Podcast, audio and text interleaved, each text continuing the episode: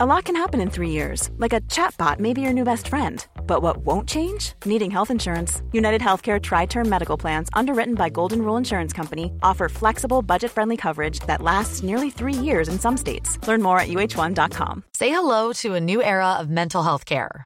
Cerebral is here to help you achieve your mental wellness goals with professional therapy and medication management support. 100% online. You'll experience the all new Cerebral Way, an innovative approach to mental wellness designed around you.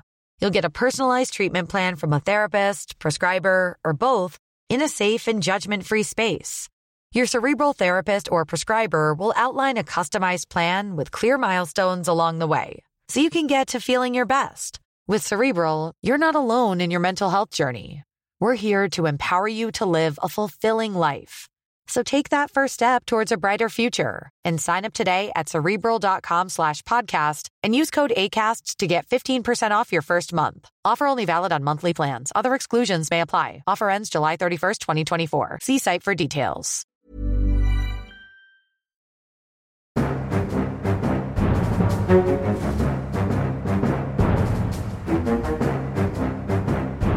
Da kjører vi på med en ny episode med Aftenpodden USA. Og det er jo, vi har veldig gledelige nyheter, fordi Christina Pletten, kommentator, er tilbake fra et lite skadefravær, sykefravær.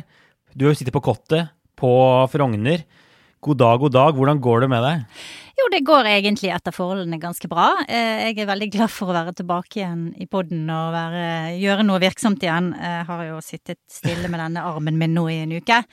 Eh, ja. Men eh, det går bra, og jeg kan avkrefte ryktet som min kollega Therese Solien forsøkte å spre sist uke når hun var min vikar, da, om at jeg har knekt hånden min med vilje for å ikke snakke om critical race theory. Det stemmer slettes ikke. Nei, men du kan jo ikke fortelle altså, Hva var det egentlig som skjedde? Fordi ja, Du viste meg jo bandasjen i stad. Det er jo i hvert fall definitivt sant at du har knekt eh, håndleddet, er det det? Ja. Det håndleddet knakk rett av. Du, det er en veldig uglamorøs eh, Ikke noe snowboard eller noe sånn Uglamorøs fallskjermhopp? Ja, det var rett og slett glatte ullsokker i kombinasjon med parkett og en hund på 25 kilo som eh, gjorde at jeg eh, gikk over ende på mitt eget stuegulv. Og sånn gikk det. Men eh, jeg har fått god hjelp og har eh, gode forhåpninger om at, skal, at hånden skal bli helt bra igjen. Ja, ja. Og til og med traff på legevakten en eh, kjekk lege som het Einar, som hører på poden vår. Så der er lyttere overalt. Det er veldig, veldig hyggelig å høre. Vi får bare si vi ønsker deg fortsatt, eh, eller jeg ønsker deg fortsatt eh, god bedring med hånda. Og det er bra å ha deg tilbake på jobb. Og pod er jo heldigvis noe man kan gjøre. Snakketøyet, liksom, det funker selv om skrivetøyet og skrivehånda ikke fungerer.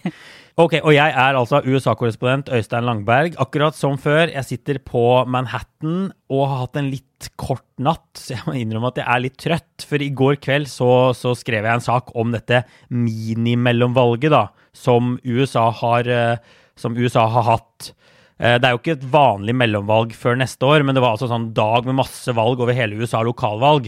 Og det ble en bekmørk kveld for Det demokratiske partiet som helhet, og kanskje særlig for, for venstresiden i partiet. Og det skal vi komme tilbake til i denne episoden. Men først så tenker jeg vi skal ta en liten runde med siden eh, sist. Og jeg, kanskje jeg kan ta denne gangen her, Kristina, siden du har vært ute med, med skade og sånn. Det er jo sånn at Klimatoppmøtet går sin gang i Glasgow hovedaftenpodden, altså moderskipet vårt, kommer helt sikkert innom det på torsdag. For der er jo Kjetil Alstein bl.a. på plass for Aftenposten, sammen med, med, med flere eh, korrespondenter og journalister. Eh, men det vi kan si, er jo at den medvinden Biden hadde håpet på inn der, har han ikke fått, fordi USA ikke har vedtatt hans nye klimapolitikk, som er en del av disse to nye pakkene som demokratene da fortsatt sitter og krangler om. Eh, så han kom dit med svekkede kort, og så får vi se hva utfallet til slutt blir etter, den, etter, det toppmøtet. Og så har abortloven, denne Texas-abortloven som vi har snakket om flere ganger, vært oppe til en slags hastebehandling i Høyesterett igjen. Og nå er det indikasjoner på at noen av disse konservative dommerne kanskje vil bane vei da, for at denne loven kan bli stanset på en eller annen måte i rettssystemet. Men når det eventuelt vil skje, og om det vil skje, da, er fortsatt uh, usikkert.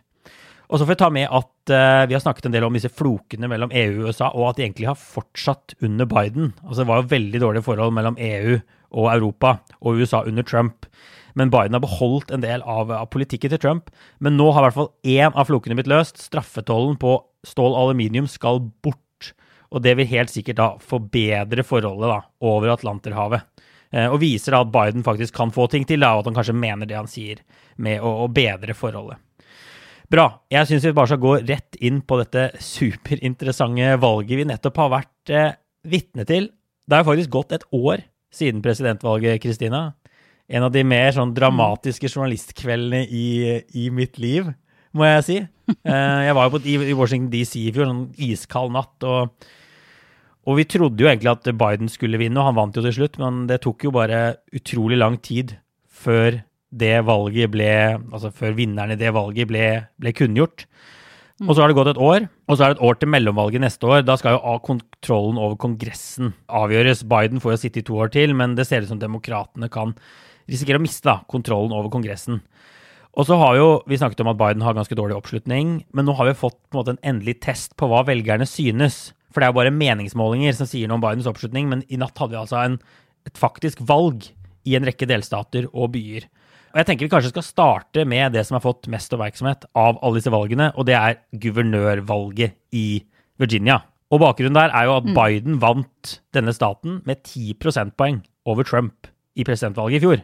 Trump gjorde det dårligst av alle republikanere i moderne tid i Virginia. Han sleit virkelig, virkelig, virkelig i den delstaten. Og demokratene har egentlig vunnet det som er av delstatsvalg i Virginia siden 2009. Altså senatsvalg har de vunnet, presidentvalg har de vunnet, guvernørvalg. Alt sammen. Så man har jo sett på dette ikke som en vippestat lenger, men at det er i ferd med å bli en demokratisk bastion. Og så fikk vi da nattens valg, og nå må vi kanskje endre litt på, på det synet på Virginia. Ja.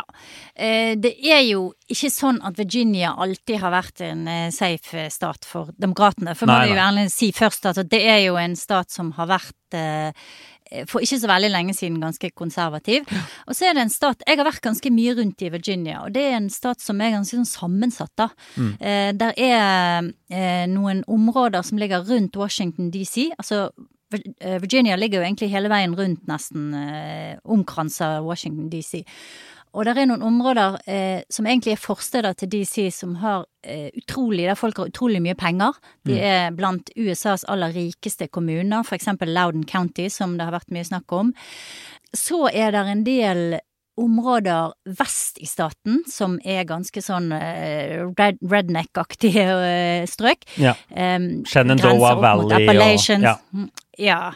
Området av Roanoke er vel den største byen eh, på den siden. Og så har du liksom sørsiden ned mot uh, North Carolina, der du har store militærbaser. Du har også Richmond, som er liksom en by med mye afroamerikanere. Og du har store universiteter, så du har en liksom sammensatt stat. Så mm. den får et ganske godt bilde, tror jeg, av av hele USA, da. Du har liksom en sånn mikro-USA, egentlig, i Virginia.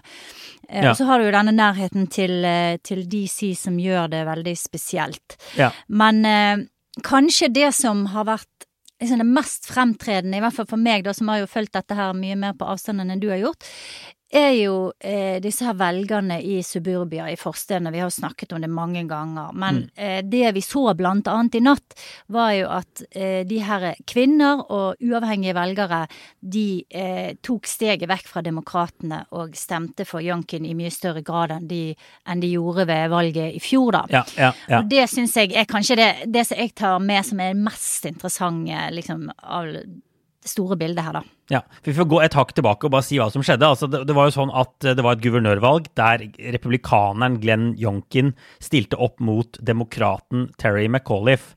Eh, og vi nevnte jo altså Biden mm. vant denne staten med 10 prosentpoeng i fjor. Eh, og så viste, mål, viste, målingene at det kom til å bli vesentlig jevnere. Men det endelige resultatet, i hvert fall når sånn over 95 av stemmene er talt opp, viser at Glenn Jonken faktisk vinner semikomfortabelt. Altså han vinner med kanskje 2 prosentpoeng eller noe sånt over McAuliffe. Og det er altså en sving på 12 prosentpoeng siden presidentvalget mm. i, i fjor, som jo er helt enormt. Og hvis man hadde sagt til demokratene at dette kom til å skje for et halvt år siden, så ville det vært Veldig mange ville ledd av deg. Altså, Glenn Jonkin kommer fra ingenting. Han er en forretningsmann, aldri hatt et politisk verv eller noen ting. Kan fremstå som litt sånn kjedelig, tradisjonell republikaner i en stat som, som flere og flere har regnet som demokratisk. Så, så, så, det er jo definitivt et lite politisk jordskjelv, det som skjedde i natt, og som Ja, ja. har tatt eh, mange, mange demokrater eh, fullstendig på senga. Og så har det vel vært sånn, Øystein, at eh, hvis du går tre-fire måneder tilbake i tid, så var McAuliffe ganske komfortabel i ledelsen. Og så etter hvert som liksom Biden har falt si, mm. på, på popularitetsmålingene, så har også Youngkin eh, steget i Virginia. Så det har på en måte fulgt utviklingen sånn sett eh, av den nasjonale politikken. At, eh, at republikaneren her har kommet sterkere og sterkere og sterkere utover Ja. høsten. Ja. Eh, til slutt, liksom et par uker før valget, så eh, begynte han å ta en veldig knapp ledelse. Og ser nå ut til å ha holdt omtrent eh, Altså meningsmålingene ser ut til å ha slått til ganske bra, da. Ja, meningsmålingene ser ut til å ha truffet egentlig, egentlig veldig bra. Og det vi ser, du sier, som du sier, altså Trump gjorde det jo bare historisk dårlig i disse forstedene over hele USA. Det var Trumps store, store problem. Og vi ser at Jonkin vinner tilbake en del av disse forstadsvelgerne. Og så gjør han det bare megabra på bygda. Altså bedre enn Trump gjorde på bygda mange steder. Så det viser jo bare at demokratenes problem utenfor byene Det bor jo mange velgere på bygda også. Det bare fortsetter for demokratene. Det er marerittet eh, i de mer landlige delene av USA. Og de to tingene da gjør at han går fram, men Youngkin går også fram over nesten hele fjøla i, i Virginia. Så det er en veldig sånn Ja. sterk, sterk fremgang. Vi får bare snakke litt om hvem han er, da. Altså, Og hva han har gjort. Altså, jeg har vært og sett han. han. Jeg må si han snakker ganske godt for seg. Jeg var, jeg var ganske imponert. Han holdt en sånn tale som Han er ganske moderat i måten han snakker på, da. Og han holdt en tale som skapte ganske mye engasjement, og fremstår egentlig som en veldig sånn garva politiker. Men han er sånn, som sagt veldig sånn tradisjonell. Han har fått mye, mye oppmerksomhet for at han alltid har på seg en fleecevest. Han går rundt i sånne kakibukser. Motstanderen har jo forsøkt å liksom klistre han til Donald Trump hele tiden, og har jo kalt han Donald Trump i kakibukser, og sagt at han bare er en, en skjult Donald Trump med et litt mer sånn moderat ytre. Men, men den strategien har bare ikke fungert. da, og Det som har vært påfallende da jeg var og hørte på Jonken, eksempel, er at han nevner ikke Donald Trump med et eneste ord. Og det er veldig få Donald Trump-plakater. Det er noen som har Trump-capser av tilhørerne. sånn, Men han unngår Trump fullstendig. Mens demokratene har forsøkt å bringe opp Trump igjen og igjen og gjøre det til en, til en kamp mellom liksom, demokratene versus Trump.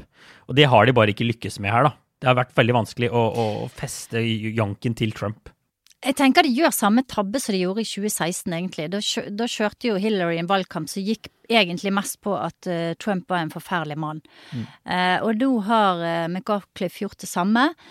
Og han er jo dessuten en litt sånn svak kandidat i, i, i min bok, for han er en veldig sånn det derre insider. Han, han er tett på særlig Clinton-familien, har vært guvernør før, og er en sånn representant for på en måte det der litt sånn eh, elitistiske, demokratiske partiet som kanskje ikke har helt klart å liksom eh, finne ut hvordan de skal slå tilbake da, mot denne her folkeligheten som Trump og Youngkin har. Og det tror jeg du ser veldig godt nå i måten han har eh, Altså hvordan de har feilberegnet hele, hele denne her greien. Og så Ja. er det en annen ting som jeg tror er litt viktig å huske på. At det er veldig mange velgere, også blant de som stemte på Joe Biden, som ikke syns at Trump var noe sånn grusom og forferdelig mann. Som egentlig likte han ganske godt, likte politikken hans, men kanskje syns at ok, han tar det litt langt, han går Vi orker ikke fire år til med dette her bråket, men som, men som kanskje ikke har samme syn på Trump som nesten alle nordmenn har, og, og mange demokrater har. Sånn at jeg tror at, eh, at eh, der er liksom mange nyanser her som kommer til overflaten, da, og som, som vi ser igjen i dette her eh, resultatet her. Ja, det er, det er alltid så mange. Og når jeg reiser rundt i USA, så, så er det alltid helt sånn påfallende. Da jeg var i Virginia, så møtte jeg tilfeldigvis, da stopper jeg folk på gata, møtte jeg to folk som ikke hadde stemt i 2020. Altså i presidentvalget, fordi de tålte verken trynet på Trump eller Biden, men nå skulle stemme på Jonken. Det finnes altså så mange rare typer velgere der ute. Eller de stemmer på en tredjekandidat, og så stemmer de på Jonken. Så det er veldig interessant å se. Men én ting da som har fått mye oppmerksomhet, som Jonken har gjort, er å snakke uh, ut og inn om skole. Og det er egentlig ikke helt riktig å, å, å si at det er skole, for det han egentlig har gjort, er jo å, å mane opp til sånt foreldreopprør i Virginia. Og det har vært veldig veldig smart. Og det foreldreopprøret handler om utrolig mye. Han liksom, det er en sånn stor paraply med saker som man har putta inn i dette foreldreopprøret. Både for moderate velgere og for folk som er mye lenger ut på høyresiden. Eh, skolene har vært stengt i mange, nei, mange demokratisk drevne byer veldig veldig lenge under pandemien. En del foreldre er forbanna over at barna har gått glipp av så mye skolegang gjennom pandemien, og mener liksom de har vært eh, en uh, fange av fagforeningene som har nekta å åpne skolen og den type ting. Og så har du dette med munnbind. Mm. Uh, det, det, skaper også en del sinne at barn, små barn må gå med munnbind ute og inne på skolene fortsatt. Det er noe som, det er en del foreldre som støtter det, men det er også en god del foreldre som er imot. Og I tillegg så har Jonken snakket om sikkerhet og trygghet på skolen og politi og sånn. Og så har han snakket om denne nye republikanske fanesaken, Critical Race Theory, som har fått en del oppmerksomhet. Men det er ikke bare Critical Race Theory dette handler om. Det handler om en, sånn haug med ting hvor Jonkin har fått det til å fremstå som han er på lag med foreldre, mens demokratene er imot foreldre. Og klart, når du får mm. lykkes med det budskapet, da har du en vinnersak. Ja, og så er jo det sånn klassiske saker som er viktige i forstedene. sant? Det er mye familier. Eh, familier som eh, bryr seg om eh, at skolen er bra. Eh, bryr seg om trygghet og sikkerhet og, og, alle de tingene der, da. Eh, de får demokratene et forklaringsproblem mm. eh, med når det gjelder eksempel denne her defund the police eh, eh, å snakke på, som, som, vi også har nevnt før. Og også det med å bringe progressive ideer, rase, sånne ting inn i, inn i, pensum på skolene. Og så overdriver republikanerne, og så drar de det mye lenger kanskje enn det demokratene mener. Men det er effektivt, ikke sant? Og demokratene klarer ikke å svare på det Nei. på en god nok måte. Og derfor så er det så lett å ta de på det. Ja. Og hvis da demokratene i tillegg lar være å svare på det, og heller bare sier liksom Donald Trump er dum, ja. og derfor er du òg dum, ikke sant, for, for, å gjøre det veldig banalt, da, mm. så, så, så, har de et veldig eh, ufullstendig og dårlig budskap. Og ja. igjen og igjen så viser dette her at demokratene har ikke klart å forme noe tydelig politisk budskap om hva de vil. Mm. Og det hadde de heller ikke i fjor. De vant valget på, eh, tror jeg, korona og en del eh, og motstand mot Trump. Men eh, både Biden og i, i, forlengelsen Camelot Harris er nødt til å forsøke å, å finne et budskap og finne eh, en måte å formulere hva det er de egentlig vil politisk, da. Ja. Vi, Hvis de skal klare å liksom, eh, forhindre at dette blir total katastrofe. Ja, og, og, vi nevnte jo kritisk raseteori, vi, og, og, vi nevnte det i forrige episode. Vi skal lage en egen episode om hele dette konseptet. Hva det er, og hva det ikke er, og hva som er overdrevet, og hva, er, hva det er litt substans i og sånn. Men det som det ikke er noen mm. tvil om, er at, eh, at jeg tenker at demokratene i altfor stor grad bare har sagt kritisk raseteori, dere skjønner ikke hva det er, det er ikke det vi lærer bort i skolene. Og så har det fremstått som at de ikke gidder å høre på foreldrene, at de ikke bryr seg om eh, de reelle bekymringene. Og så har Macauliffe plumpa uti under en debatt og sagt foreldre bør ikke fortelle skolene hva de skal undervise i. Et sånt klipp som mm. handlet om, om, om altså, bøker med seksuelt innhold. Det var en sånn konkret kontekst, men den konteksten er borte. Og så er det sitatet Foreldre bør ikke fortelle skolene hva de skal eh, undervise i det har blitt avspilt igjen og igjen og igjen, og bare bidratt til at Jonken kan fremstille sin motstander, da, demokratene, og, og, og Macauliffe som sånne ja, fiender, fiender av skole, fiender av, av, foreldre. Som har vært, ser ut til å være veldig effektivt. Og det der har jo vært en stor kampsak for høyresiden, det der med at eh, skal USA ha et sånn nasjonalt pensum, skal de ha noen eh, regler for eh, hva skolene skal undervise i, da, mm. som veldig mange republikanere, og også tror jeg ganske sånn moderate, moderate folk har veldig stor motstand mot, fordi at de, de, vil ha lokalt styre, og de vil ha Så igjen er det jo denne her mo, motsetningen mot det nasjonale og det lokale. og ja. ja. Eh, og så tenker jeg at det, liksom hvis du løfter blikket litt, så handler det jo òg om at veldig mange amerikanere sånn forstadsvelgere, de har ganske gode liv.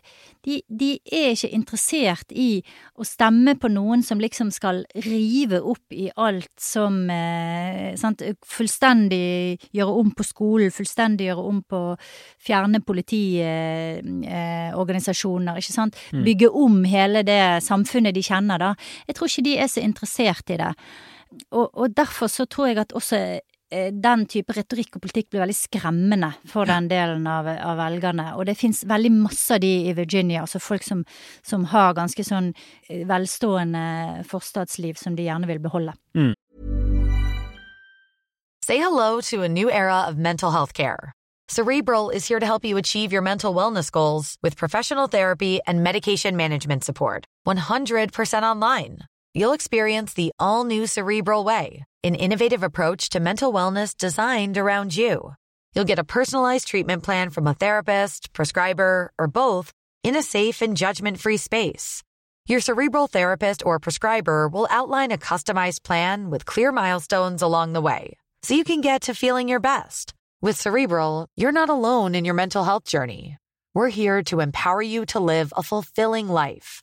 So take that first step towards a brighter future and sign up today at cerebral.com slash podcast and use code ACasts to get 15% off your first month. Offer only valid on monthly plans. Other exclusions may apply. Offer ends July 31st, 2024. See site for details. When you're ready to pop the question, the last thing you want to do is second guess the ring. At Bluenile.com, you can design a one of a kind ring with the ease and convenience of shopping online. Choose your diamond and setting. When you find the one, you'll get it delivered right to your door. Go to Bluenile.com and use promo code LISTEN to get $50 off your purchase of $500 or more. That's code LISTEN at Bluenile.com for $50 off your purchase. Bluenile.com code LISTEN. Vi må også snakke litt om de andre valgene som har vært, for nå vi snakket veldig spesifikt om Virginia, og man kan liksom nærmest tro at Jonken er en sånn spesiell kandidat, som, og at det er veldig vanskelig å gjøre det han har gjort andre steder, og at McAuliffe kanskje var en spesielt dårlig kandidat og sånn. Men når man ser på noen av de andre valgene, så ser man at dette er, ser ut som en nasjonal trend, det at demokratene går tilbake. For det var også et guvernørvalg i New Jersey, og New Jersey er jo da en enda mer demokratisk stat enn Virginia. Biden vant med 16 prosentpoeng i fjor over Trump. Men så har vi sett på målingene at det kunne bli vesentlig jevnere enn det, at gapet mellom demokratene og republikanerne i guvernørvalget kunne bli jevnere. Og så viste det seg på valgnatta at det ble superjevnt. Og faktisk er det blitt så jevnt at vi ennå ikke vet hvem som vinner det guvernørvalget. Og det er fullt mulig at demokratene stikker av med seieren til slutt, men den ser i hvert fall ut til å bli veldig, veldig, veldig, veldig knapp. Og på mange måter, nå har jo ikke New Jersey fått så mye oppmerksomhet, men på mange måter er dette en minst like stor smell som den i Virginia. Altså at de går tilbake eh, kanskje 13-14-15-16 prosentpoeng der, selv om de da ikke skulle miste guvernøren til slutt. Så, så, det viser jo bare at dette ikke kun har med lokale forhold i Virginia å gjøre. Demokratene sliter, det er et eller annet med den nasjonale politiske stemningen som virkelig ikke er fordelaktig for demokratene. Mm. Og New Jersey har jo noe av samme profil som Virginia har. Veldig mye forsteder. Mm. Altså forstedene til både New York City og eh, Philadelphia ligger i New Jersey i stor grad, da. Så mm. de har liksom mye folk som, eh, som eh, bor i, i forsteder og har de, den politiske Eh, bagasjen det innebærer, da. Ja. Eh, men, men, New Jersey har jo også vært en stat som har liksom vippet litt frem og tilbake på en måte. De hadde jo Chris Christie, for eksempel, som guvernør for ikke veldig lenge siden. Ja, republikaner. Som ble en uh, republikaner, som ble en ganske sånn uh, mer og mer konservativ uh, og ofte en Trump-venn og noen gang en Trump-kritiker. Mm. Og, eh, og, har jo vippet litt sånn frem og tilbake både når det gjelder eh, senatorer og guvernører. Da. Så det er ikke sånn at det kommer helt out of the blue. Eh, men eh, likevel så er det helt sånn åpenbare eh, faretegn for demokratene, det som har skjedd i natt. Ja, jeg tenker at liksom, det vi ser nå, gjør at uh, alle alarmklokkene må ringe, hvis de ikke allerede har gjort det hos demokratene. Altså, det er veldig, veldig mm. alvorlig for dem. Uh, og så har det det, det, er åpenbart at det er et eller annet med den nasjonale politiske stemningen som gjør at demokratene sliter her. Og han McAuliffe i Virginia sa jo rett ut at, at, Biden skapte problemer for han. Vi ser at eh, Biden ikke er populær i Virginia i det hele tatt eh, på, på, målingene, mm. og at det trakk han ned. Og det stemmer sikkert. Og, og, Biden har jo gått på mange mange smeller de siste månedene, vi har snakket om det før. Altså Afghanistan-exiten, ja. covid som ikke forsvant likevel, men snarere fikk USA en ny enorm smittebølge, økonomien som går i ball. Eh, folk jeg snakket med i Virginia sier liksom se prisene på egg, bacon stige på butikken. De kjenner disse tingene på kroppen. Landet går ikke i riktig retning. Så, så det kan jo disse guvernørkandidatene på en måte unnskylde seg med. Da, at de, de, sliter i motvind, eh, motvind fra, fra før av. Og så vil vi nok få en debatt nå om denne agendaen til demokratene i Washington DC. Eh, McAuliffe drømte jo om at demokratene skulle dunke gjennom denne store infrastrukturpakken, og at det kunne løfte ham til seier. Det klarte de ikke. De klarte ikke å bli enige før disse valgene, og det kunne jo hatt noe å si. Eh, så det er jo på en måte den eh, fjerde eller femte stolpen, at agendaen til Biden har stått, står helt i stå, og at demokratene ikke har så mye å gå til valg på, det annet enn at det ikke er Donald Trump, kanskje. Mm. Ja, det jeg tror kanskje kommer til å bli eh, en av konsekvensene av dette valget her, er jo at eh, du vil se en enda mer sånn eh, eh, hardnet front mellom de mer moderate demokratene og de som ligger ute på venstresiden. Eh, det er jo de på venstresiden som holder igjen denne infrastrukturpakken som du snakker om. Mm. Eh, vi har også sett at eh, i andre valg i natt så tapte de progressive, eh, f.eks. i Buffalo i New York og også Minneapolis. Vi kan snakke litt mer om det, hva som mm. skjedde der. Men det er helt åpenbart at en del av dette her er tankegodset som kommer fra Bernie Sanders-fløyen, og som har blitt formulert på en måte som veldig mange reagerer på, da. Eksempel defund the police. Det skader demokratene som helt til skade av Joe Biden, og de finner ikke noen vei ut av det. Mm. Og Biden er jo ikke en mann som har den basen og den tryggheten og populariteten som Donald Trump har, for eksempel. Sant? Han er en mye mer sårbar politiker sånn sett. Ja. Så eh, dette her er de, de, er nødt til å finne en vei å forene partiet, og de er nødt til å Og jeg tror kanskje også den progressive delen av demokratene eh, burde i hvert fall gå litt i seg sjøl og, og, og, tenke på om den eh, måten de holder på nå, den taktikken de bruker, om de ikke bare både ødelegger for seg sjøl og for politi, partiet som helhet. Om de oppnår noe med det i det hele tatt. Ja. Jeg har mine sterke tvil om det. Og det blir interessant å se nå hva som skjer i Washington DC. For det, man kan da se for seg at dette får to utfall for demokratene. På en måte kan disse enorme tapene gjøre at de tenker pokker, nå må vi samle oss, nå må vi få gjennomført noen ting. Nå må vi få vedtatt noen ting som vi faktisk kan gå til valg på i mellomvalget neste år. Og så vedtar de da denne mm. store sosiale reformpakka og denne infrastrukturpakka som jeg har snakket om flere ganger. Disse to tingene. På den annen side så kan man se for seg at det motsatte skjer. At moderate demokrater i vippedistrikter blir veldig nervøse for hvor partiet er på vei. Eh, de får kanskje gjennom infrastrukturpakka, men så, så, tør de ikke å stemme for denne pakka med store sosiale reformer til slutt. Og så havarerer halvparten av Bidens agenda fullstendig i Kongressen. Det er to måter man kan se at dette, dette skjer på. Og jeg så noen skrive at liksom den fløyen som, som er den mer konservative fløyen i Det demokratiske partiet, helt sikkert vil være ganske nervøse i dag. og at denne fløyen rundt f.eks. folk som han eh, Joe Manchin i Virginia, da, at det vil fremstå som at den fløyen er større enn den har vært før. At flere vil på en måte flokke, rundt, mm. flokke til han eh, og kreve at de må slanke denne pakka enda mer, f.eks. Det blir veldig interessant å se hva den dynamikken der faktisk blir fremover. Men det kan definitivt mm. skape mm. hodebry for Biden og, og hva han skal ha gjennom dette her.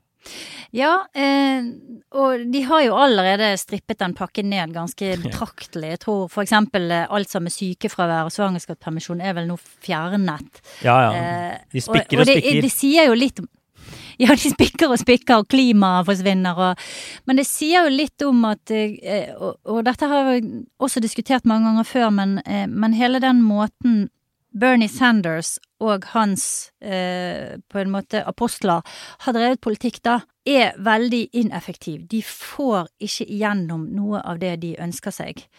Eh, og, og, kanskje de burde Jeg sier ikke det at de skal nødvendigvis endre standpunkt politisk, men kanskje man må eh, bli litt mer realistisk i måten man, eh, man, fremmer sin agenda på. I hvert fall hvis man får, vil få noe gjort i det hele tatt, uten annet enn å bare liksom ødelegge.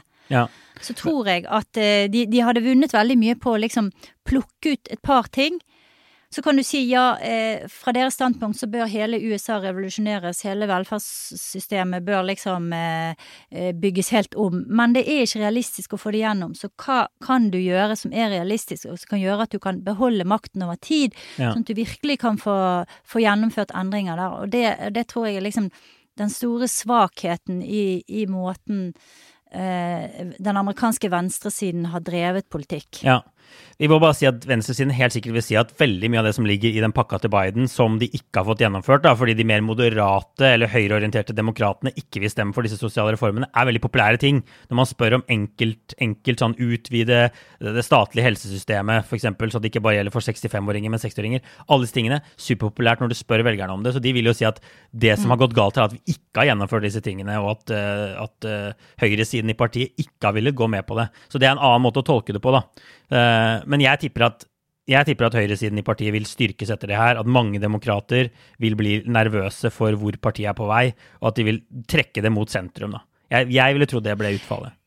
Ja, men altså, jeg er ikke uenig i det, men det er jo liksom eh, En ting er jo å si at det å ha svangerskapspermisjon er liksom Ethvert sivilisert samfunn bør ha det, og det er åpenbart. Ja. En annen ting er når du er politiker i USA, så er spørsmålet ok, men hvordan får du det gjennomført? Hvordan får du disse tingene på plass mm. når du har eh, et land som du har, når du har et politisk system som det du har?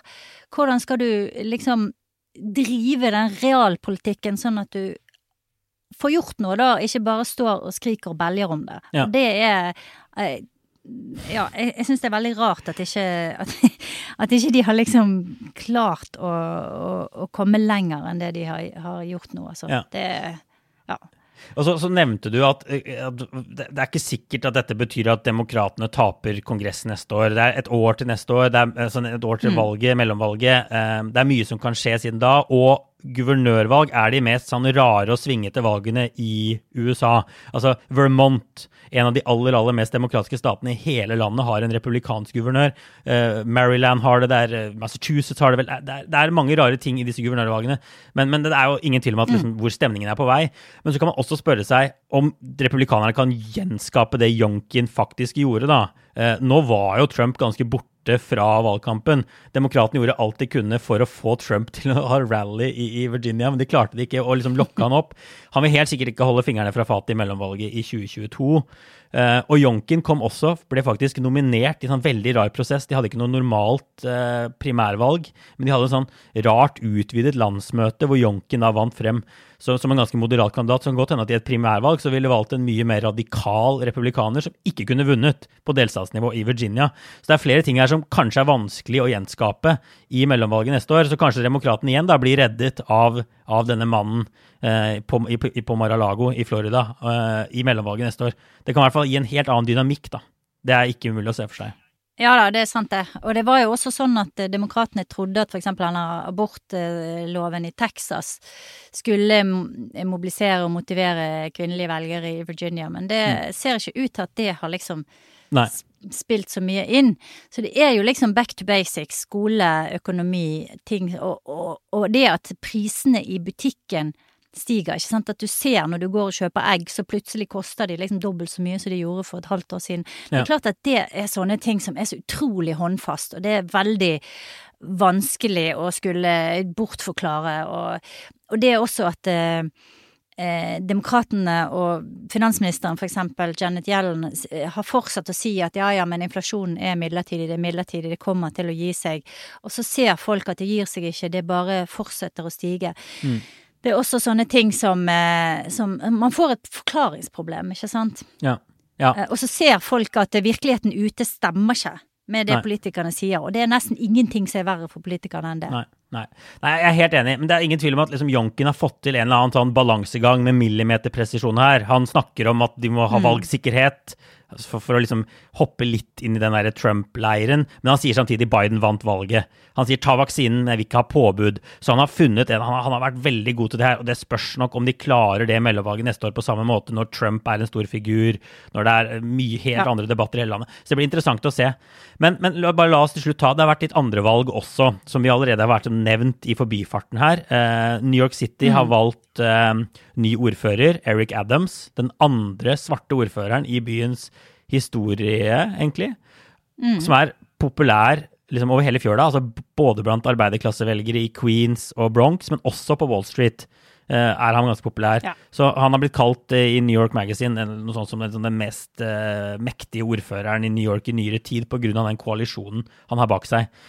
En ting som er verdt å merke seg, da, er at han var i tydelig opposisjon til venstresiden i Det demokratiske partiet. Eh, han var sterk motstander av å kutte i politiet, f.eks. Hele denne Defund the Police-ideen tilhører definitivt en sånn sentrumsfløy. Han har til og med vært medlem av det republikanske partiet tidligere. Så det er en ting som er verdt å merke seg. Uh, I tillegg da, så var det et stort valg i Minneapolis. Der har det vært en sånn voldsom politidebatt etter drapet på George Floyd i mai 2020.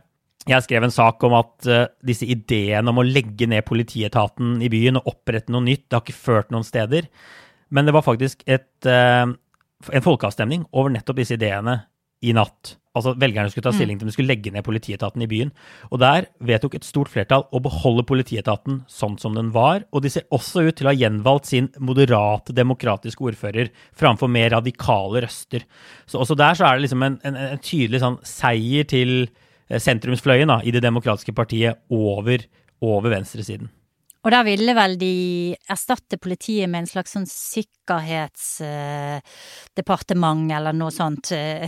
Ja, de, og, ja. eh, men ikke sant, det var oss der igjen, da, så var det lett for republikanerne og motstanderne til å bare motstander av den, det forslaget og liksom koke det ned til defund the police. Ja.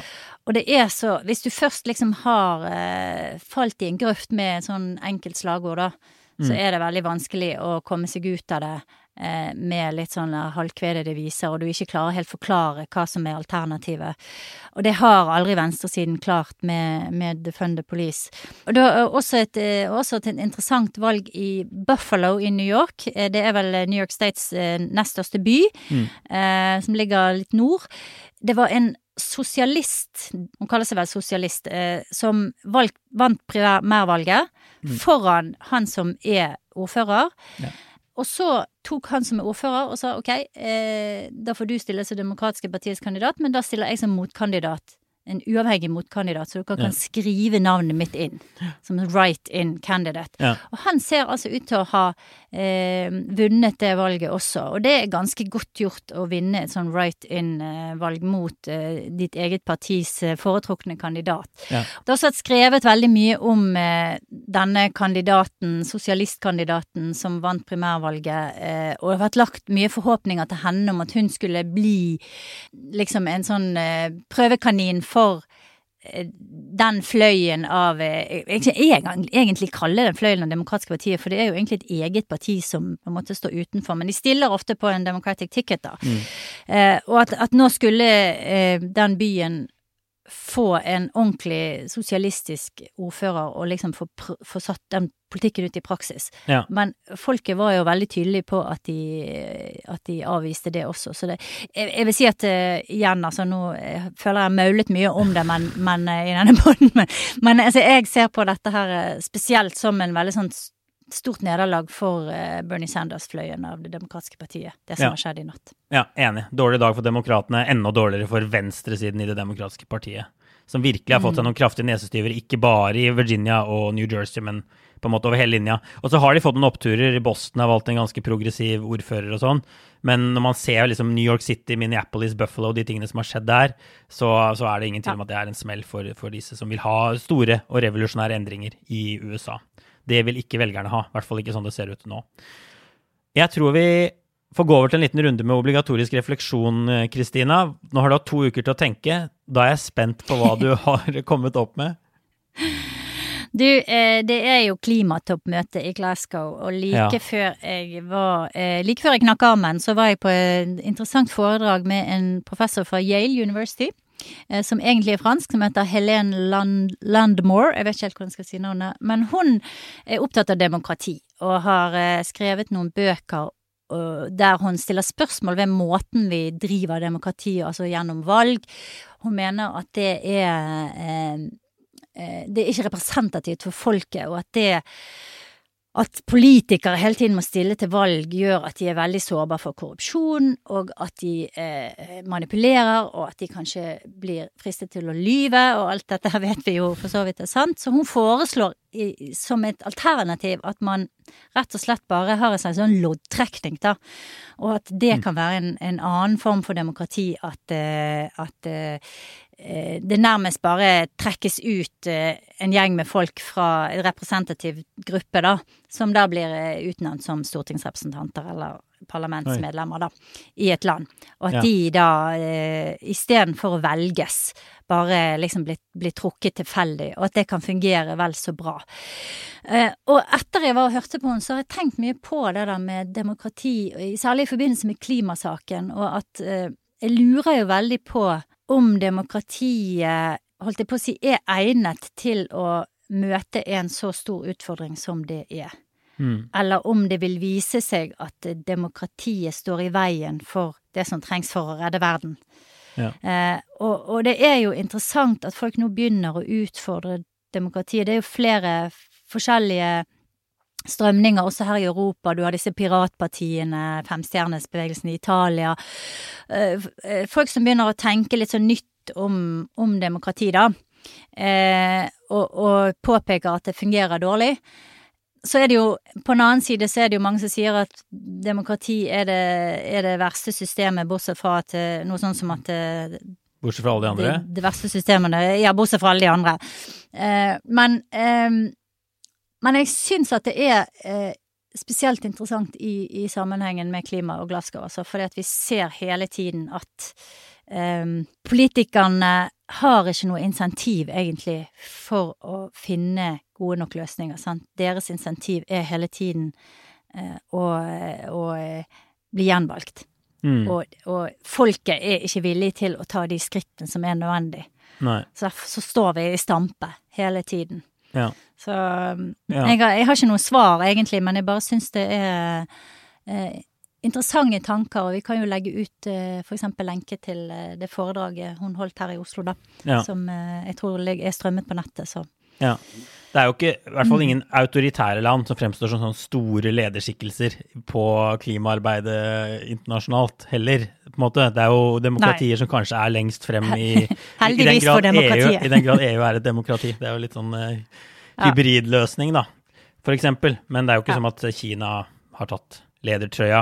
I hvert fall ikke på, på alle områder. Nei, men ki kineserne kan jo fortsatt gjøre det eh, hvis de vil, da. Ja. Man kan jo håpe på det, men, eh, men du så jo under korona så, så jo du at demokratiet på en måte fungerte, men da ble jo eh, Da gjorde jo valgte regjeringer det som var nødvendig, og ikke nødvendigvis alltid det som var populært. Mm. Sant? Ja. Så Ja. Ja. Ja, du, jeg har tenkt på en eh, person siden sist. Jeg var nylig i operaen her i New York og hørte på eh, Lise Davidsen for første gang. Og Lise Davidsen er jo fra Stokke i Vestfold, som det sto i programmet på Metropolitan Opera. Eh, en av de virkelig store operastjernene Norge har hatt gjennom tidene. Og jeg har, jeg har hørt en del operaer fordi kona mi er operakritiker, men jeg må si at stemmen hennes til Lise Davidsen er altså så fantastisk at man trenger ikke å være en operakjenner for å gå i salen og bare skjønne at her er det noe helt sånn spesielt som skjer. Det er en sånn egen begeistring hver gang hun åpner munnen, egentlig. Så jeg tenker at min anbefaling er at hvis folk har sjansen, så dra og hør henne. Eh, Vi har en tendens til å hause opp nordmenn som liksom gjør det stort i utlandet og sånn. Men dette her handler nok om mye mer enn det. altså Hun har blitt kalt noe sånt som århundrets stemme, og får bare sånn fantastiske anmeldelser også i New York Times, av de store internasjonale avisene. Så det er en dame man definitivt bør eh, sjekke ut. Jeg så en sånn opera som heter uh, Die Meistersinger, som var faktisk seks timer med, med Wagner. Men det finnes også konserter og alt mulig sånn. Og hun kommer også tilbake til New York til våren for å spille to roller til. Så hun står rett og slett uh, masse, masse på scenen her i New York det, det neste året. ja. Imponerende. Ja, du bør absolutt, eh, absolutt sjekke henne ut hvis du, hvis du kan. Hun har en morsom Instagram-konto, og jeg har altså fått gode, men ubekreftede rykter om at hun er en venn av podden vår, Kristina. Som jo er Oi, superhyggelig. oi, oi. Ja, Ja. det er jo fantastisk. Men, men dra og hør på, på Lise Davidsen hvis du kan. Hun er noe helt spesielt. Og så får jeg bare si, eh, også bli med i Facebook-gruppa vår, Aftenpodden USA på nett. Eh, der er det mye spennende diskusjoner. Jeg syns det liksom har kom, fått en skikkelig, skikkelig god start. Og bare kast dere inn i, i debattene. Ja. Publiser innlegg. eh, Still spørsmål, og så Ja. prøver vi å svare på det vi kan. Det er ikke alltid vi har tid eller får svart liksom så utfyllende som vi bør, men også andre. Det er masse USA-eksperter i den gruppa. Mm. Noen av Norges fremste USA-eksperter er medlem der. Så det er bare å slenge seg på. Ja.